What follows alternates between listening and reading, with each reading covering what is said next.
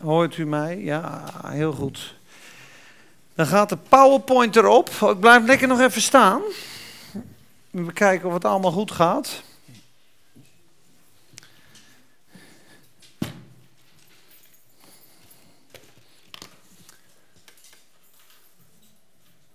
Vanaf het begin. Kijk, ja, eventjes over deze tekst. Dit is echt een juweel. Een juweel van een tekst.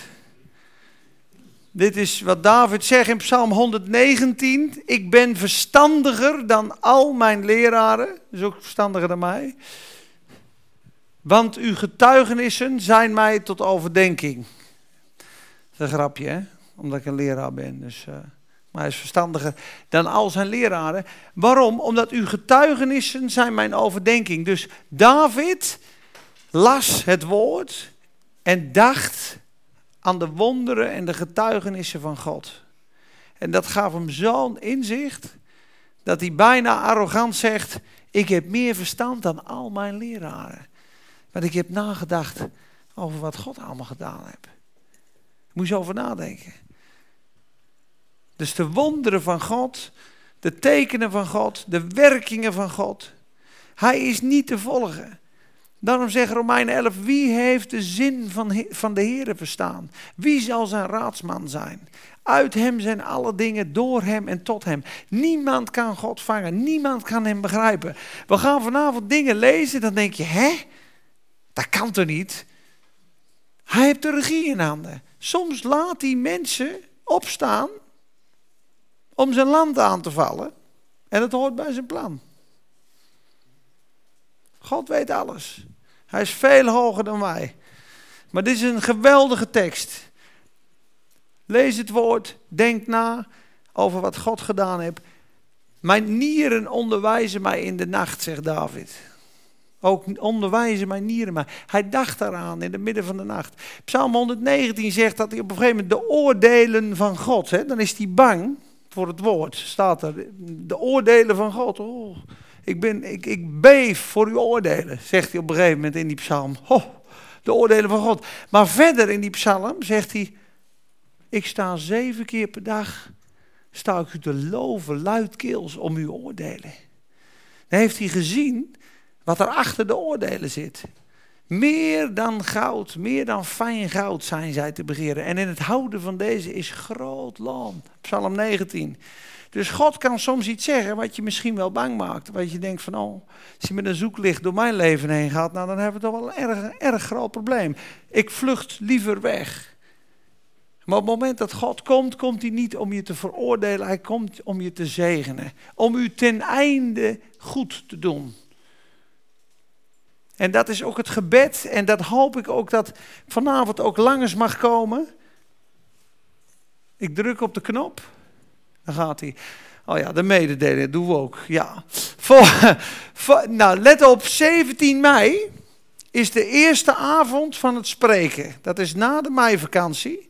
Wie is er allemaal al een beetje aan het studeren? We hebben allemaal een stukje gekregen van het woord. Wie is er al een beetje in begonnen? Wie heeft er al een beetje gedroomd? En wie zegt van ik wil 17 mei mij gaan aanmelden? Van een kwartier. Dan ga je een kwartier hier staan en dan vertel je je bevindingen van dat Bijbelboek.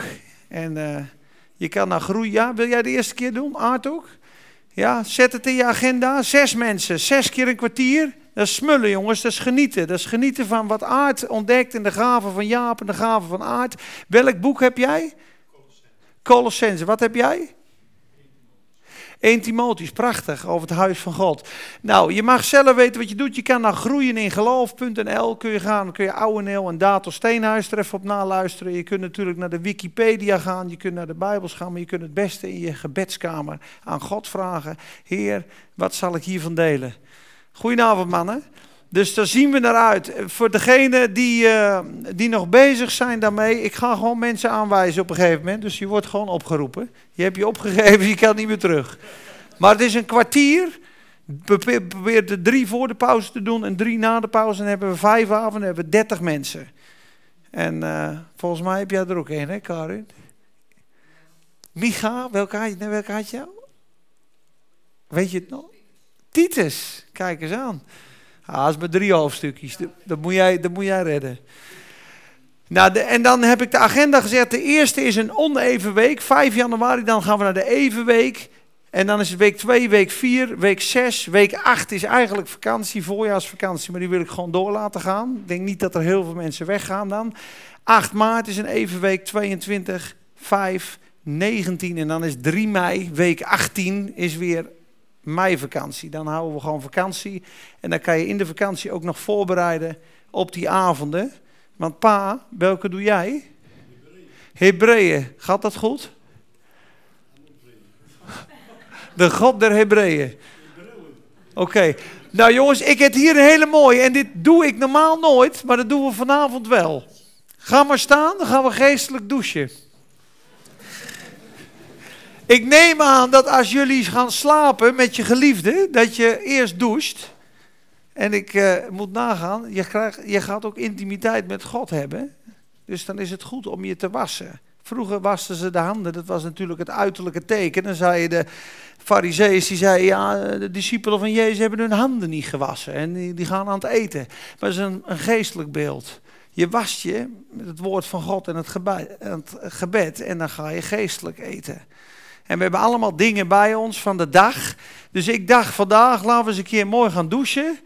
Laten we indien nodig onze zonden en zorgen aan hem geven. Dat doen we in de kerk vaak in een stil gebed, maar we gaan het gewoon straks uitspreken. Laten we afwerpen alle eventuele last en boosheid, opdat we volledig kunnen genieten van zijn zegeningen. Want Jacobus, die zegt, voordat je de Bijbel diep in je hart wil ontvangen, dan zegt hij iets moois in Jacobus 1, vers 21. Even opzoeken. Daar komt hij. Want de toren van een man bewerkt Gods gerechtigheid niet. Daarom legt, alle, legt af alle onreinheid en overmaat van boosheid en ontvangt met zachtmoedigheid het ingeplante woord. Dus leg af boosheid, leg af vuilheid. En vang, ontvang met zachtmoedigheid. Hij krijgt een zacht hart van. Een boos hart is hard. Het kan niet ontvangen. Kan het zaad niet binnenkomen. Een onrein hart is onrustig. Kan het woord niet goed binnenkomen. Dus dat kreeg ik vanmiddag.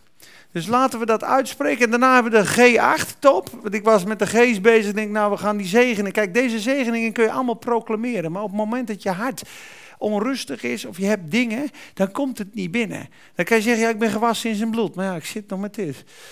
Het komt niet aan.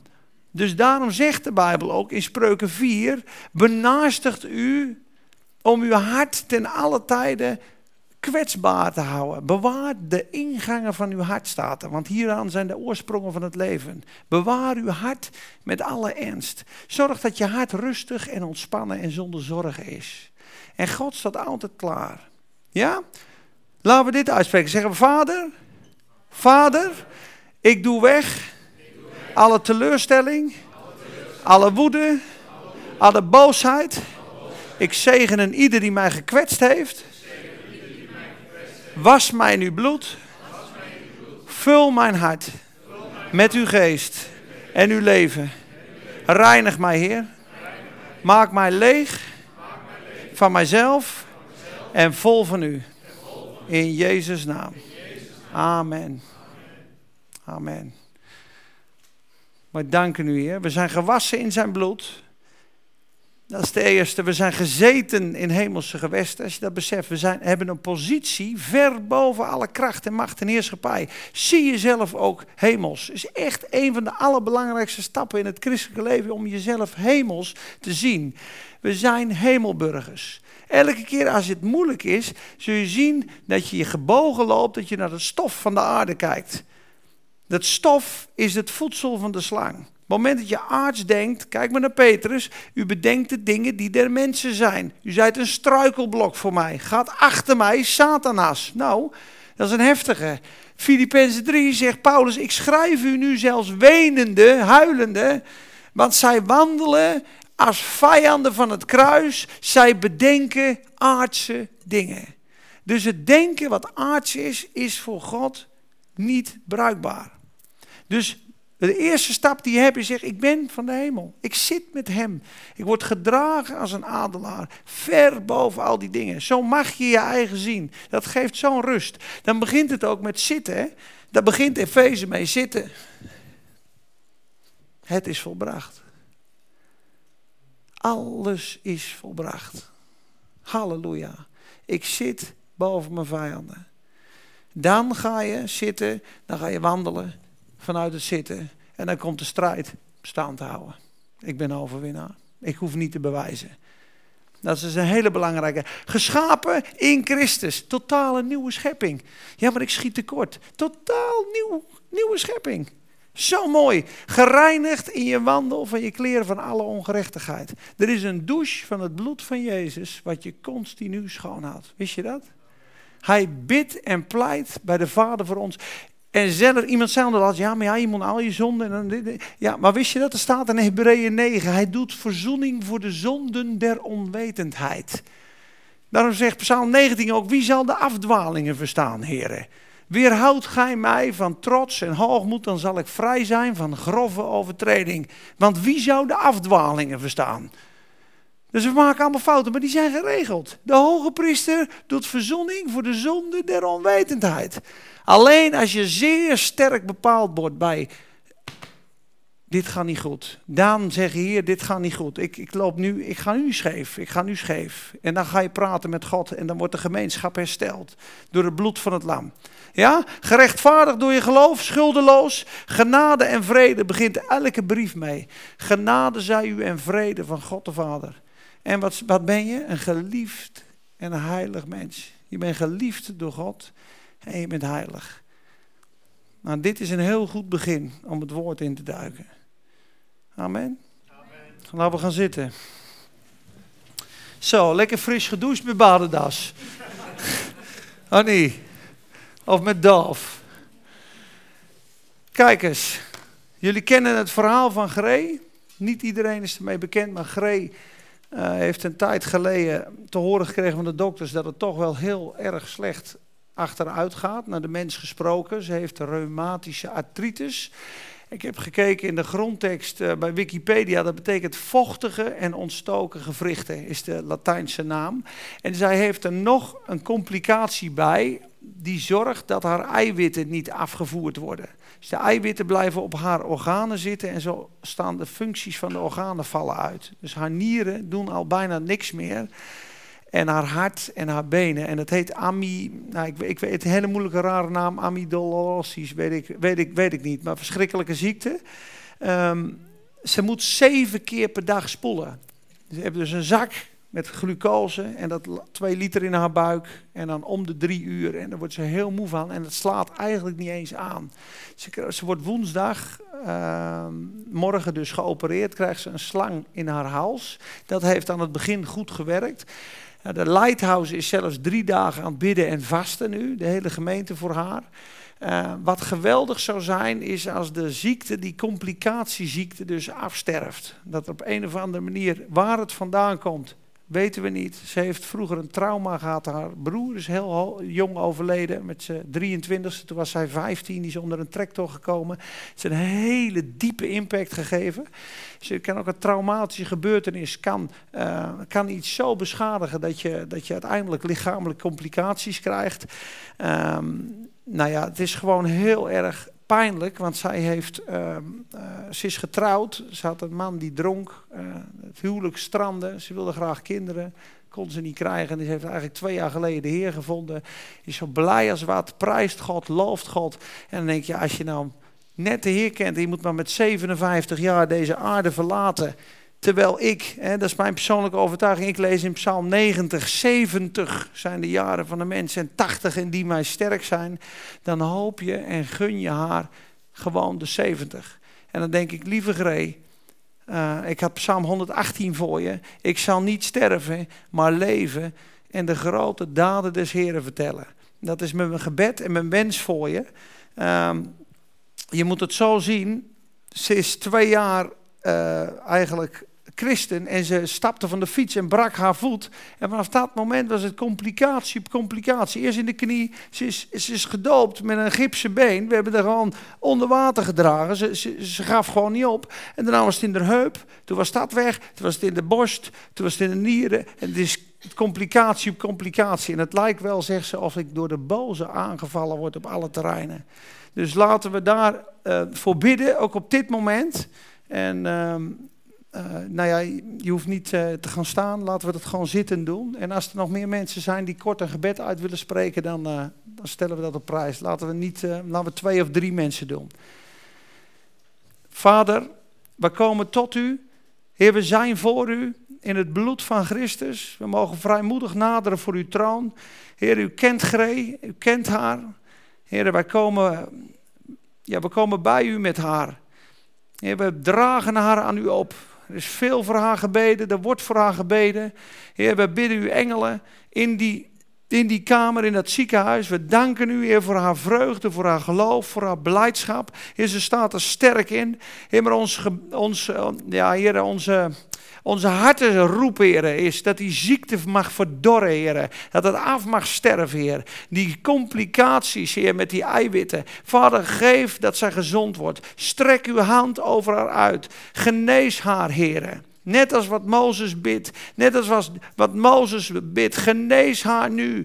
Bid hij voor, uh, voor Mirjam als zij melaats is. Heere, genees haar nu. Vader, dat bidden we. Laat uw hand uitgestrekt worden, Heer, van barmhartigheid en genade. En laat de greep van de vijand over haar leven verbroken worden. Heer, dat deze ziekte af mag sterven, Heer. Dat zij mag leven en niet sterven. En de daden des Heeren mag verkondigen. Vader, doe aan haar jaren toe, net als bij Hiskia, Heer. Die weende naar de muur en die zegt, ik heb toch recht voor u gewandeld, Heer.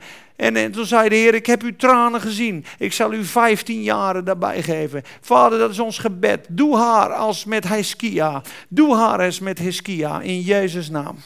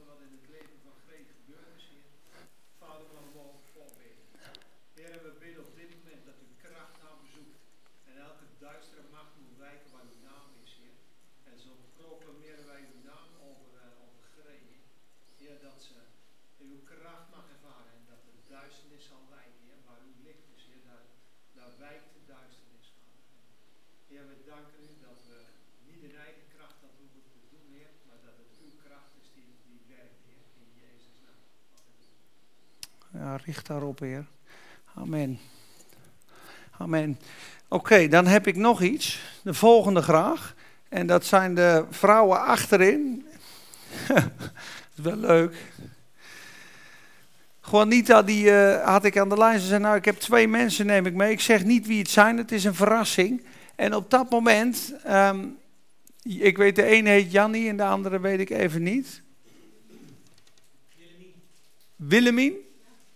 Willemien? Deze tekst is voor één van jullie twee. De volgende, als het kan, uh, Mark.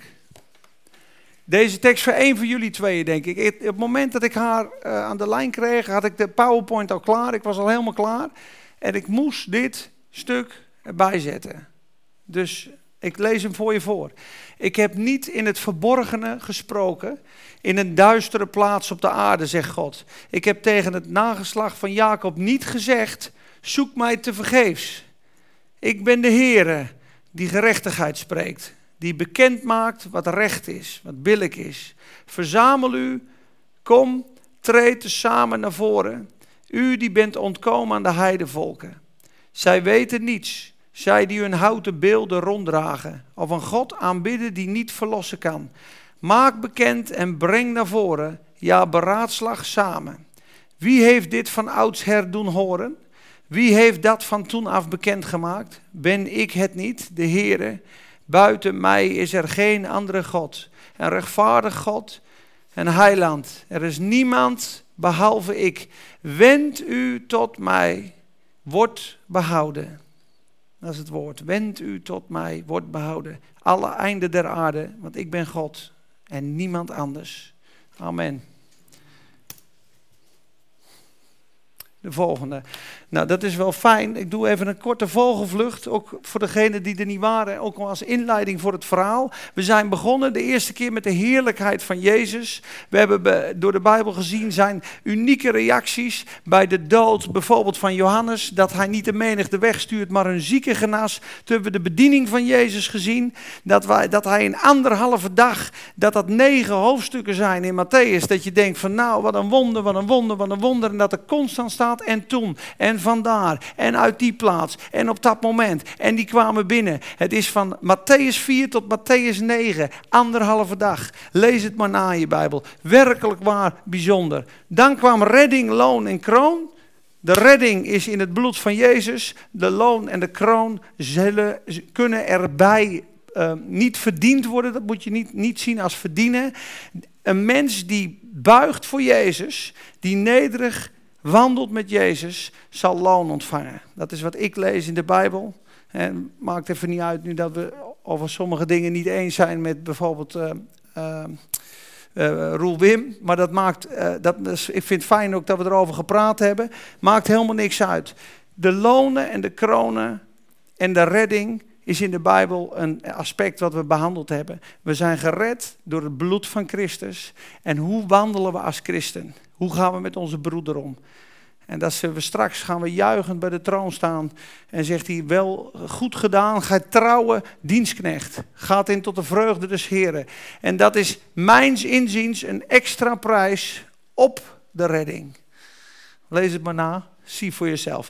Hey, dan de vrezen des Heren, de sleutel uh, van het kennen van God. Het vrezen des Heer is het begin van alle wijsheid en verstand. We zagen dat de vrees des Heer is de aanbidding des Heeren. Niet de angst, maar de aanbidding. Wie God aanbidt, wie hem op nummer 1 stelt, krijgt het inzicht, krijgt de wijsheid en wandelt in de volle zegen. Wat een zegen. Hoe groot is het goed dat gij hebt weggelegd voor degene die u vrezen.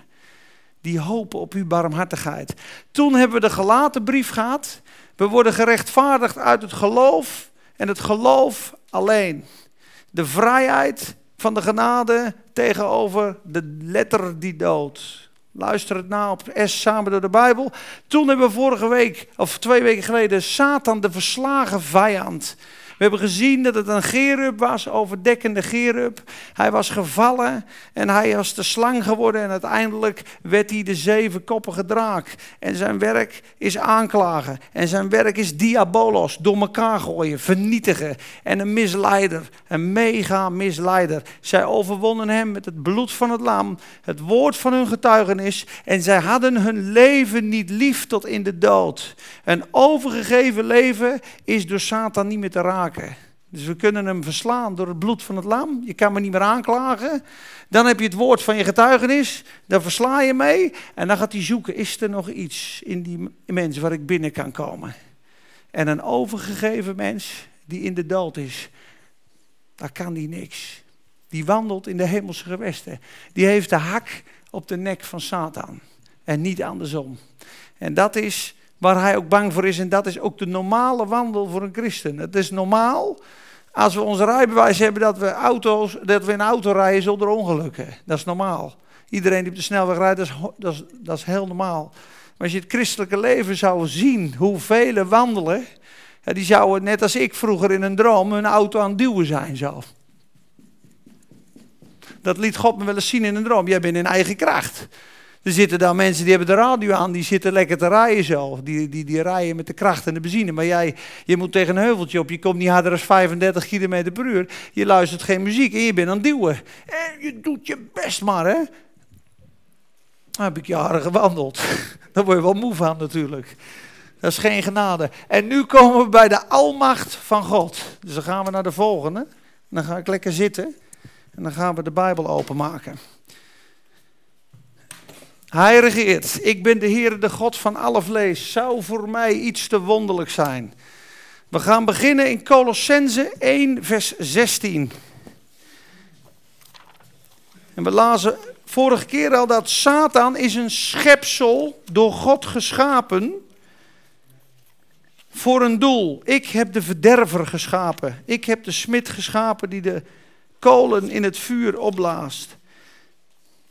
En het doel wat God met Satan heeft, is, dient ook weer het doel van God. Het is heel wonderlijk.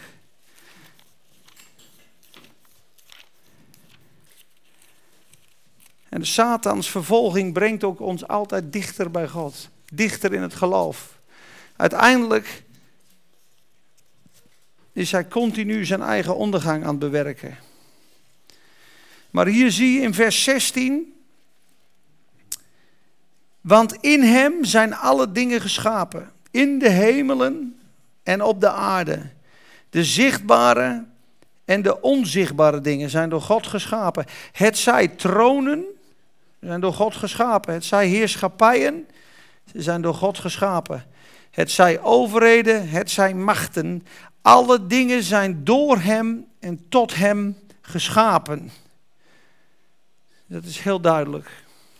Dan wil ik gaan naar Openbaring 16. Dat is een heel mooi stuk. En hier zie je bijvoorbeeld dat God de boze opdracht geeft en het plan van God vervult. Dat is Gods almacht. God heeft alles onder controle. Ook wat op de aarde gebeurt. Wij zullen, wij zullen dingen zien waarvan we denken, ja, dit gaat echt scheef. En God zit precies midden in zijn plan. En als we dat kunnen zien, dan, ja, dan, ja, dan ben je ook vrij van de angst. En dan, dan leef je uit de openbaring van God. Ik begin in vers 14. In vers 13 staat het hier. En ik zag uit de mond van de draak en uit de mond van het beest en uit de mond van de valse profeet drie onreine geesten komen, als kikkers.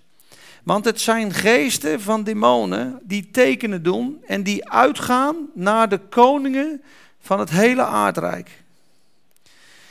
Om hen te verzamelen tot de oorlog van de grote dag, de God van de Almachtige begin ik nog een keer in vers 12. Let op, dit is een engel die zijn schaal gooit.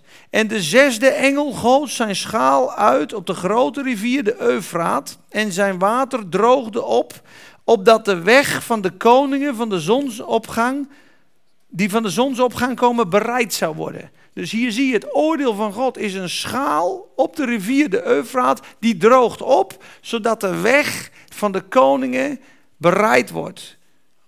En die koningen die gaan uit om het hele aardrijk te verzamelen op de dag van de grote dag van God de Almachtige. gaan we een hoofdstuk verder, is nog duidelijker. 17 vers 9. Hier is het verstand dat wijsheid heeft. De zeven koppen van de draak zijn zeven bergen waarop de vrouw zit. Ook zijn het zeven koningen. Vijf zijn reeds gevallen de ene is er, de andere is nog niet gekomen. En wanneer hij komt, moet hij een korte tijd blijven. En het beest dat was en niet is, is ook zelf de achtste. Dit gaat over de antichrist. En hij is uit de zeven en gaat ten verderven. En de tien horens die gij gezien hebt op de draak zijn tien koningen die nog geen koninkrijk ontvangen hebben maar in één uur gezag als koning zullen ontvangen, samen met het beest. In de eindtijd is dat. Deze hebben enelei bedoeling en geven hun macht en gezag aan het beest. Deze zullen oorlog voeren tegen het lam. En het lam zal hen overwinnen, want hij is de Heer van de heren en de koning van de koningen. En zij die met hem zijn, de geroepenen, de uitverkoren en de getrouwen. En hij zei tot mij, nu legt hij me uit, de wateren die u hebt gezien, waarop de hoer zit, zijn volken en menigen en naties en talen.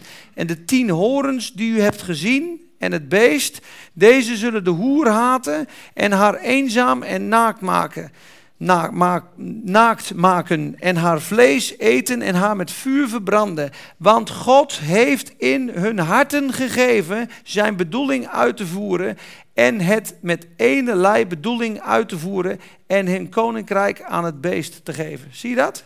God heeft in hun harten gegeven zijn bedoeling uit te voeren en het met ene lei bedoeling uit te voeren.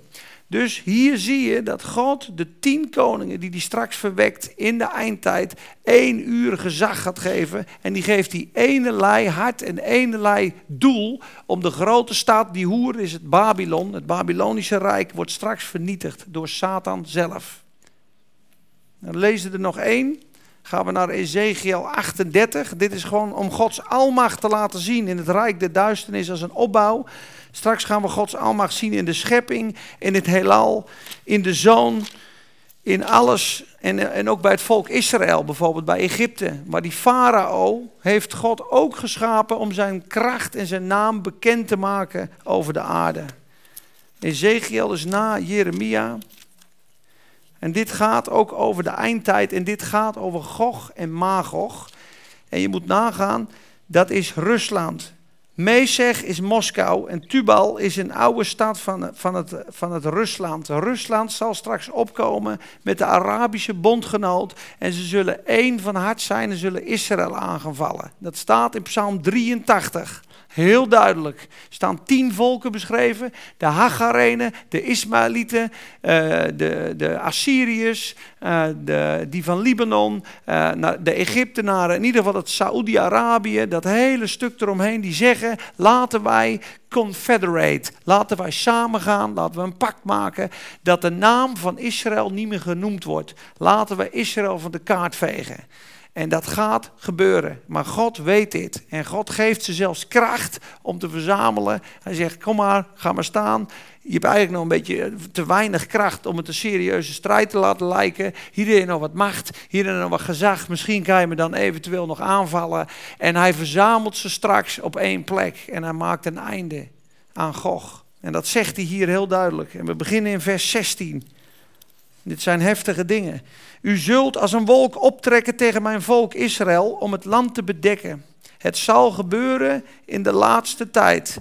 Dan zal ik u over mijn land doen komen. Zie je, dan zal ik u over mijn land doen komen, zodat de heidevolken mij kennen. Wanneer ik door u, o Gog, voor uw ogen geheiligd word. Dus als God een eind maakt aan die grote macht Gog, dan zal alle heidenen weten dat God de Heer is. Zo zegt de Heere, Heere, bent u, het, bent u het over wie ik in vroeger Bent u het over wie ik in vroeger tijd gesproken heb door de dienst van mijn dienaren, de profeten van Israël, die in die tijd geprofeteerd hebben, jarenlang dat ik u over hen zou brengen? Op die dag zal het gebeuren. Op de dag dat Gog over het land van Israël komt, spreekt de Heere, Heere, dat mijn grimmigheid in mijn neus zal opstijgen. Want in mijn naijver, in het vuur van mijn verbolgenheid heb ik gesproken. Voorwaar, op die dag zal een zware aardbeving het land van Israël treffen. De vissen in de zee, de vogels in de lucht, de dieren van het veld, al de kruipende dieren die op de aardbodem kruipen en alle mensen die op de aardbodem zijn, zullen voor mijn aangezicht beven. De bergen zullen omvergehaald worden en de bergwanden zullen instorten en alle muren zullen op de grond neervallen. Nu komt het. En op al mijn bergen zal ik een zwaard tegen hem oproepen, spreekt de Heere, Heere. Ieder zwaard zal tegen zijn broeder zijn. Dus hij gaat ze verdeeldheid onder elkaar geven. Op een gegeven moment gaan ze elkaar afslachten. En een ander gedeelte in de Bijbel zegt is dat God ze verzamelt in dat grote dal, Harmageddon. En straks gaan er twee, moet ik goed zeggen, 2000 maal 10.000 tallen. Dus 200 miljoen man gaan er in één keer plat. Dan staat het bloed tot aan de tomen van de paarden op 1,60, 1,70 hoog in dat dal. Dan gaan er zoveel in één keer plat dat ze zeven maanden zijn aan het lijken ruimen in Israël vanwege de ziektes. Dus God denkt, vul het getal van je zonde maar op. Hij, hij verzamelt ze straks allemaal. Je moet nadenken aan ISIS, die gaan er wel even door. En dat zie je natuurlijk in openbaring, dat ze op een gegeven moment in hoofdstuk 6 bidden ze, heren, hoe lang nog? Hoe lang nog voordat u ons bloed zult wreken op de aarde? Hoe lang nog, o heren?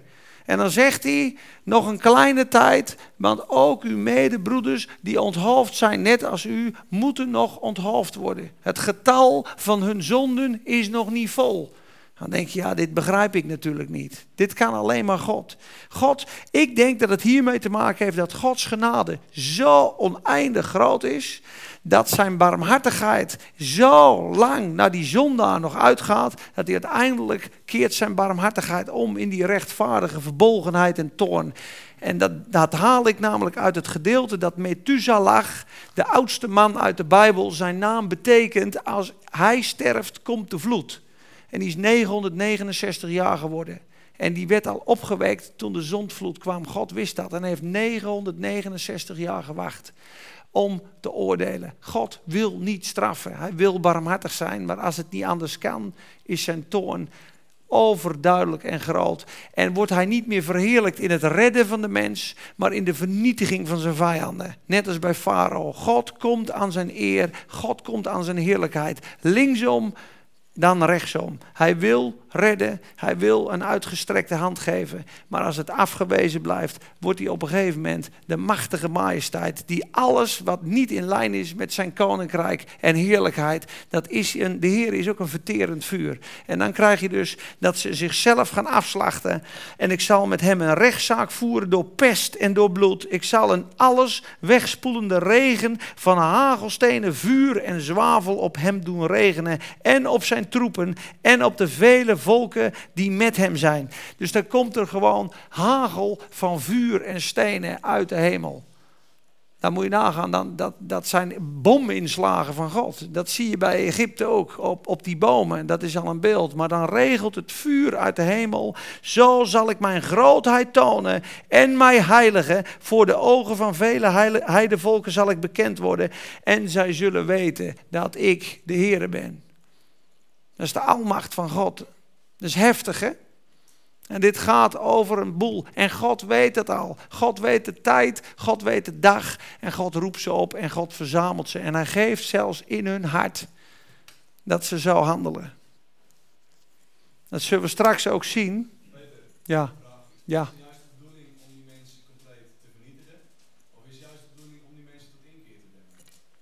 Nou, uiteindelijk uh, is. Ja, ik herhaal de vraag, dat is heel goed. Is het Gods bedoeling om die mensen uiteindelijk te redden? Of is het zijn bedoeling om hen te vernietigen? Het was, uh, mijns inziens aan het begin, is, wil God iedereen redden. Maar er komt een tijd, dan is de genade is op. Die komt. God strekt zijn hand uit. En als de barmhartigheid afgewezen blijft, wordt het het oordeel. Dat zie je heel duidelijk in openbaring. Op het moment dat, dat een mens, hè, bijvoorbeeld koning Belshazzar, hè, die is op een gegeven moment met, met, met al die soldaten, moet je nagaan, er zitten natuurlijk een paar eh, publieke vrouwen bij. Ze zijn zo dronken als wat. En op een gegeven moment spotten en spotten over Israël. En de gouden kannen uit de tempel, die moeten, die moeten komen. En het zijn muren van 64 meter dik in Babylon. Maar Belshazzar had een vader, die heette Nebukadnezar. En Nebukadnezar is zeven jaar vernederd door God en was bij de beesten. En had haar op zijn armen en uh, nagels als adelaars, zou ik maar zeggen. Dus hij wist het. Dus op een gegeven moment zijn ze daar aan het feesten. Dan komt die hand op de muur. En je weet wat hij schrijft. Mene, mene, tekel, ufarsem. Gewogen, gewogen te licht bevonden. En de glans van zijn aangezicht, de glans kwam van zijn aangezicht, zijn knieën stieten tegen elkaar en zijn lendenen lieten los. Dus gewoon netjes, hij scheet in zijn broek. En de glans van zijn aangezicht was weg. Ja, zijn knieën stieten tegen elkaar en zijn lendenen lieten los. En bevend zei hij, wat is dit, wat is dit? Toen werd Daniel gehaald, die moest de tekst vertalen. En toen zei die Belsassar, had je niet moeten weten dat de God van de hemel en aarde bestaat, daar die zo met je vader omgegaan is, Nebukadnezar. En toen kwam het oordeel en ze werden in hun dronken staat afgeslacht. Dat is het oordeel van God. Dus er is barmhartigheid, maar God is ook een verterend vuur voor zijn vijanden. Uiteindelijk is er oordeel. En ik, ik bid voor de mensen van ISIS dat ze Jezus mogen ontmoeten. Maar als het getal van die zonde vol is, dan wordt God hun vernietiger. Net zoals alle mensen van Farao in de Schelzee verdronken zijn. Na tien keer, tien plagen. Na de zesde keer verstokte Farao zijn hart. En wederom liet hij ze niet gaan duisternis, eerstgeborene. Laten we er maar gelijk naartoe gaan. Kijk maar eens wat er staat. Exodus 9, vers 16. volgende, als het, als, sorry hoor. Kijk, juist hierom heb ik u, Farao, laten bestaan. Om mijn kracht aan u te tonen, zodat mijn naam bekend zal worden op de hele aarde.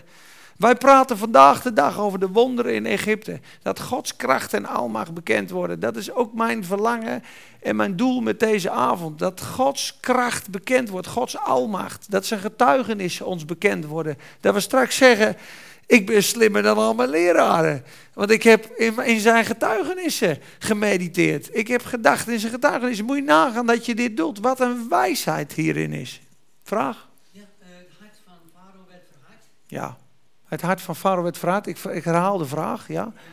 En dan weet ik niet goed of hij zelf dan verantwoordelijkheid hmm. Eh, draagt voor die beslissing. Ja. Is dat wat ik bedoel? Ja, okay. dat klopt. Nee, dat staat er allebei, hè.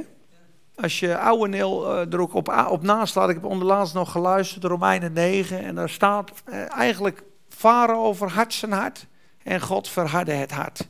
Het is tweedelig. God doet de uitnodiging. Kijk, God weet uiteindelijk al dat hij zijn hart gaat verharden. Dat zegt hij tegen Mozes. Farao zal niet naar u luisteren, opdat mijn wonderkracht vermenigvuldigd wordt. Hij zal zijn hart verharden. Ik heb zijn hart verhard, zegt hij al. God weet dat. Tegen Paulus zegt God bijvoorbeeld in Korinthe, daar heb ik veel volk. Ga naar Korinthe, want daar heb ik veel volk. Dus God weet al wie er opgetekend zijn ten eeuwige leven. Ik haal altijd maar handelingen 13 aan. Er staat in vers 48, zoveel als er opgetekend waren ten eeuwige leven, zoveel geloofden er. En dan zeggen heel veel broeders, ja, zie je, het staat allemaal vast.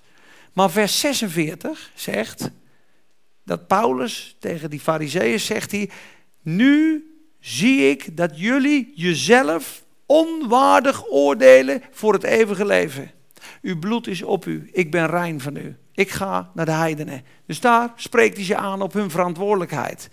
In vers 40 zegt hij zelfs, deze boodschap die ik nu preek, ziet dan toe dat niet op u komen wat door de profeet Habakkuk gesproken is. Uh, verbaast u en, uh, en verderf, want ik werk en werk in uw dagen dat gij geen zin zult geloven als een mens het u zal verklaren. Met andere woorden, dan waarschuwt hij ze, ik preek nu dit evangelie, er is vergeving van zonde en overal waarvan je niet gerechtvaardigd kon worden van de wet van Mozes, ben je nu gerechtvaardigd. Dat is het evangelie in de notendop.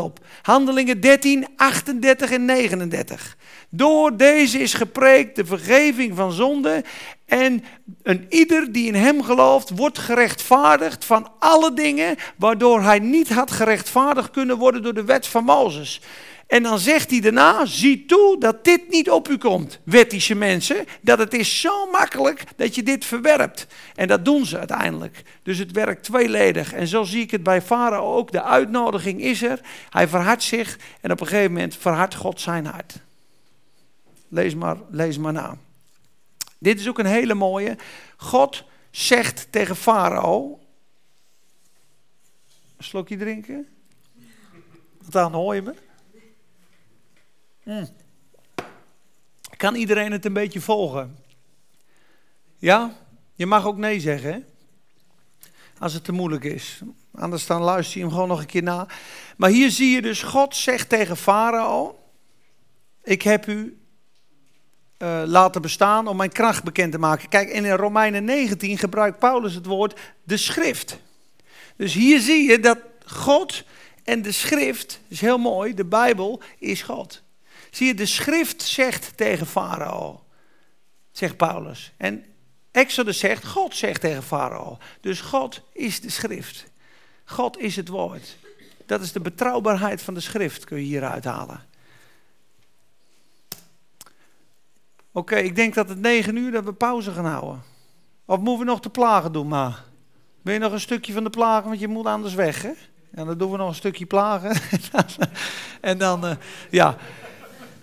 Ik, uh, ik wil uh, gelijk dan naar de onderste twee toe. Want Psalm 78 en Psalm 105 geven eigenlijk een opsomming van al die plagen in het kort. Want anders wordt het een beetje te lang. God had tien plagen. En ik weet zeker dat er hier mensen zijn die weten waarom er tien plagen waren. Wat was het doel wat God had met de tien plagen? Wat is het teken daarvan? Waar spreekt het van?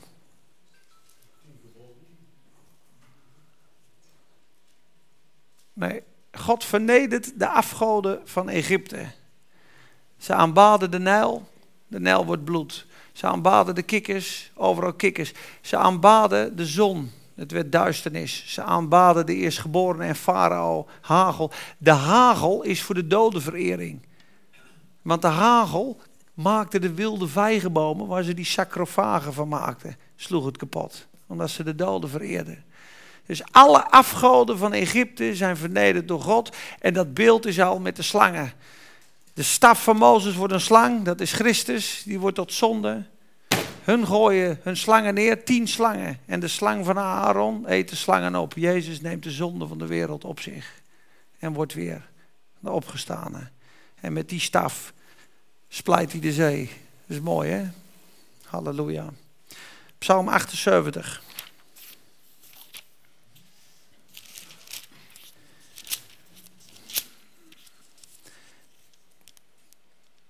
vers 42.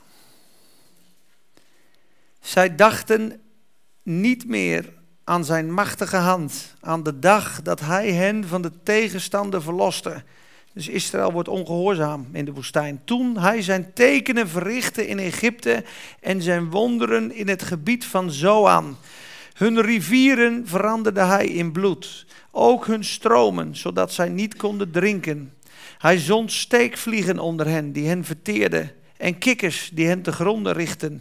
Hij gaf hun gewas aan de zwermsprinkhaan, aan de veldsprinkhaan hun opbrengst. Hij doodde hun wijnstok door de hagel, hun wilde vijgenbomen door grote hagelstenen. Zie dat? De vijgenbomen gaan door de hagelstenen. Ook leverde hij hun beesten aan de hagel over hun vee aan de vurige bliksem flitsen. Hij zond zijn brandende toorn op hen af, verbolgenheid, gramschap, benauwdheid. Hij zond menigde boden van rampen. En dan ga ik verder in Psalm 105, want anders wordt het te lange stukken. Ik had nog een mooi vers ontdekt vanmiddag zelf. In die 78, die heb ik volgens mij nog aangekrast. Even kijken.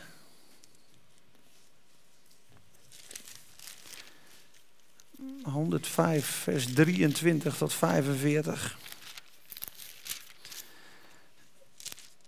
Ja, vers 25. 105 vers 25. Dan moet je eens kijken wat daar ook weer staat. 105 vers 25. Dan begin ik in vers 23. Daarna kwam Israël in Egypte. Jacob verbleef als vreemdeling in het land van Gam. Hij deed zijn volk zeer toenemen en maakte het machtiger dan zijn tegenstanders. Hij veranderde, zie je, hij veranderde hun hart zodat zij zijn volk haten en zijn dienaren listig behandelden.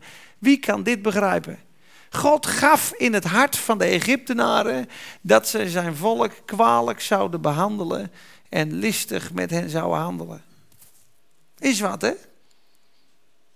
Dus God kan mensen om ons heen geven, ja, dat hij toestaat dat ze ons onterecht en listig behandelen.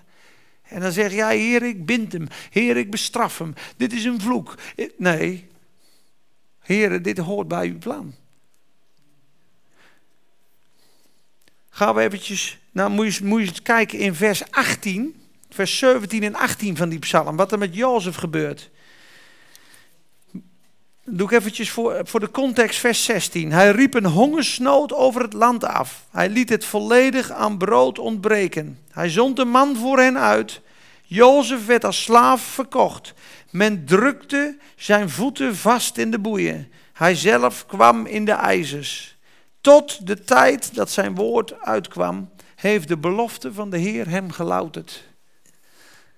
Het is een louteringsproces voor Jozef toen hij met zijn voeten in de gevangenis zat. Anders kon hij geen onderkoning worden. Toen hij, als hij niet gedoorlouterd was, had hij waarschijnlijk als onderkoning tegen zijn broers gezegd: bind ze vast en maak ze af. En nu was hij vol vergeving naar zijn broeders. En zijn vergeving was zo heftig dat 17 jaar later, nadat Jacob sterft, komen zijn broeders bij hem en zeggen: Ja, nu is papa dood. Nu zal hij wel wraak gaan nemen over wat we hem vroeger aangedaan hebben. En er staat, en Jozef weende. Jozef huilde. Dat ze twijfelde aan zijn vergeving is een beeld van Jezus. Als je twijfelt of je wel echt vergeven bent, doet Jezus verdriet. Want hij heeft je vergeven. Hij, en ze liet, hij liet hen wonen in het land Gozen. En het land Gozen betekent dichterbij komen. God wil dat we dichterbij komen. Dat is mooi hè? En Jozef werd doorlouterd in de gevangenis. Plan van God. Plan van God. Hij verhardde hun hart, vers 25, zodat zij zijn volk haten en zijn dienaren listig behandelen. Hij zond Mozes, zijn dienaar, en Aaron, die hij verkozen had. Zij verrichtten onder hen de tekenen die hij bevolen had. En wonderen in het land van Gam. Hij zond duisternis en maakte het duister. Zij waren zijn woord niet ongehoorzaam. Hij veranderde hun water in bloed, doodde hun vissen. En dan gaat hij dan weer verder. En uiteindelijk bracht hij hen in het land, vers 44. Hij gaf hun de landen van de heidevolken, zo namen zij in bezit waarvoor de volken hadden gezwoegd, opdat zij zich aan zijn verordeningen zouden houden en zijn wetten in acht zouden nemen. Halleluja. Dat vers 45, dat is ook heel apart. Want God geeft hun de zegen. Eigenlijk staat er dit, hè? God geeft hun de zegen en de erfenis, opdat zij zijn inzettingen en geboden zouden houden. Niet omdat. Er staat niet, hij geeft ze de zegen omdat ze zijn geboden en inzettingen gehouden hebben. Dat staat er niet. Hij zegent ze eerst. God overlaat ons eerst met geschenken in de hoop dat we uit dankbaarheid in zijn gebod wandelen. Dat is net andersom. Dat is mooi hè? Weet ik niet. Weet ik echt niet. Ik wil nog twee dingen lezen en dan is het echt pauze. Kijk, zie je? Volgens mij is het nu pauze. Gaan er eens eentje verder? En dan nog één. Zie je? Volgens mij is het nu pauze. En dan, maar dan gaan we eentje terug. Zie, nee, maar dat dacht ik echt. Dan komen we een beetje uit. Dan wil ik nog lezen. Het wonder van de hagel en de springkaan. En dan gaan we gewoon een bakje doen. Exodus 9. Dan moet je eens kijken. Hagel in de woestijn. Dat is natuurlijk al sowieso heel bijzonder. Exodus 9. En dan de sprinkhanen. Al laten we trouwens maar gelijk naar de sprinkhanen gaan, want ik zie dat het 14 versen zijn, dat, dat is te lang. Hagel in de woestijn is zeer bijzonder, jongens. Dat, zijn, dat is iedereen het met me eens. Hoofdstuk 10, vers 12 tot 20. En dan moet je eens kijken naar Gods almacht met die sprinkhanen. Er is geen enkel stukje land onbedekt van de sprinkhanen. Het hele land was bedekt, zodat je het land niet meer zag. Zoveel sprinkhanen over heel Egypte, dat staat er. Toen zei de Heer tegen Mozes, strek uw hand uit over het land Egypte, omwille van de sprinkhanen, zodat zij over het land Egypte opkomen en al het gewas van het land opvreten, al wat de hagel heeft overgelaten. Toen strekte Mozes zijn staf uit over het land Egypte. En de Heere bracht die hele dag en die hele nacht een oostenwind in het land. En het gebeurde toen, de, toen het morgen geworden was dat de oostenwind de sprinkhanen meevoerde. De sprinkhanen kwamen op over heel het land Egypte en streken neer op heel het gebied van de Egyptenaren. Een zeer grote zwerm. Nooit eerder is er zo'n zwerm sprinkhanen geweest. En hierna zal er ook nooit weer een zo zijn. Want zij bedekten de oppervlakte van het hele land, zodat het land erdoor verduisterd werd. Ze aten al het gewas van het land op en al de vruchten van de bomen die de hagel hadden overgelaten. Er bleef niets groens aan de bomen en het gewas van het veld in heel Egypte was weg. Toen haastte de farao zich om Mozes en Aaron te roepen. En hij zei, ik heb gezondigd tegen de Heere uw God en tegen u. Nu dan, vergeef toch deze ene keer mijn zonde en bid vurig tot de Heere uw God. Dat hij alleen deze dodelijke plaag nog van mij wegneemt. Toen ging hij bij Farao weg, bad vurig tot de Heere. Moet je opletten. En de Heere keerde de wind en liet een zeer sterke westenwind opsteken. Westenwind. Die tilde de sprinkhanen op en wierp ze in de Schelfzee. Er bleef niet één sprinkhaan over in het hele grondgebied van Egypte. Maar de Heere verhardde het hart van de farao, zodat hij de Israëlieten niet liet gaan. Geen één springen aan in het hele land. Dat hele Egypte is vol en geen één. Dat is zo'n almacht. Dat is echt bijzonder. God heeft alles in zijn hand. Zijn vijanden, de schepping. En na de pauze lezen we nog wat. Amen. Ja, als een andere les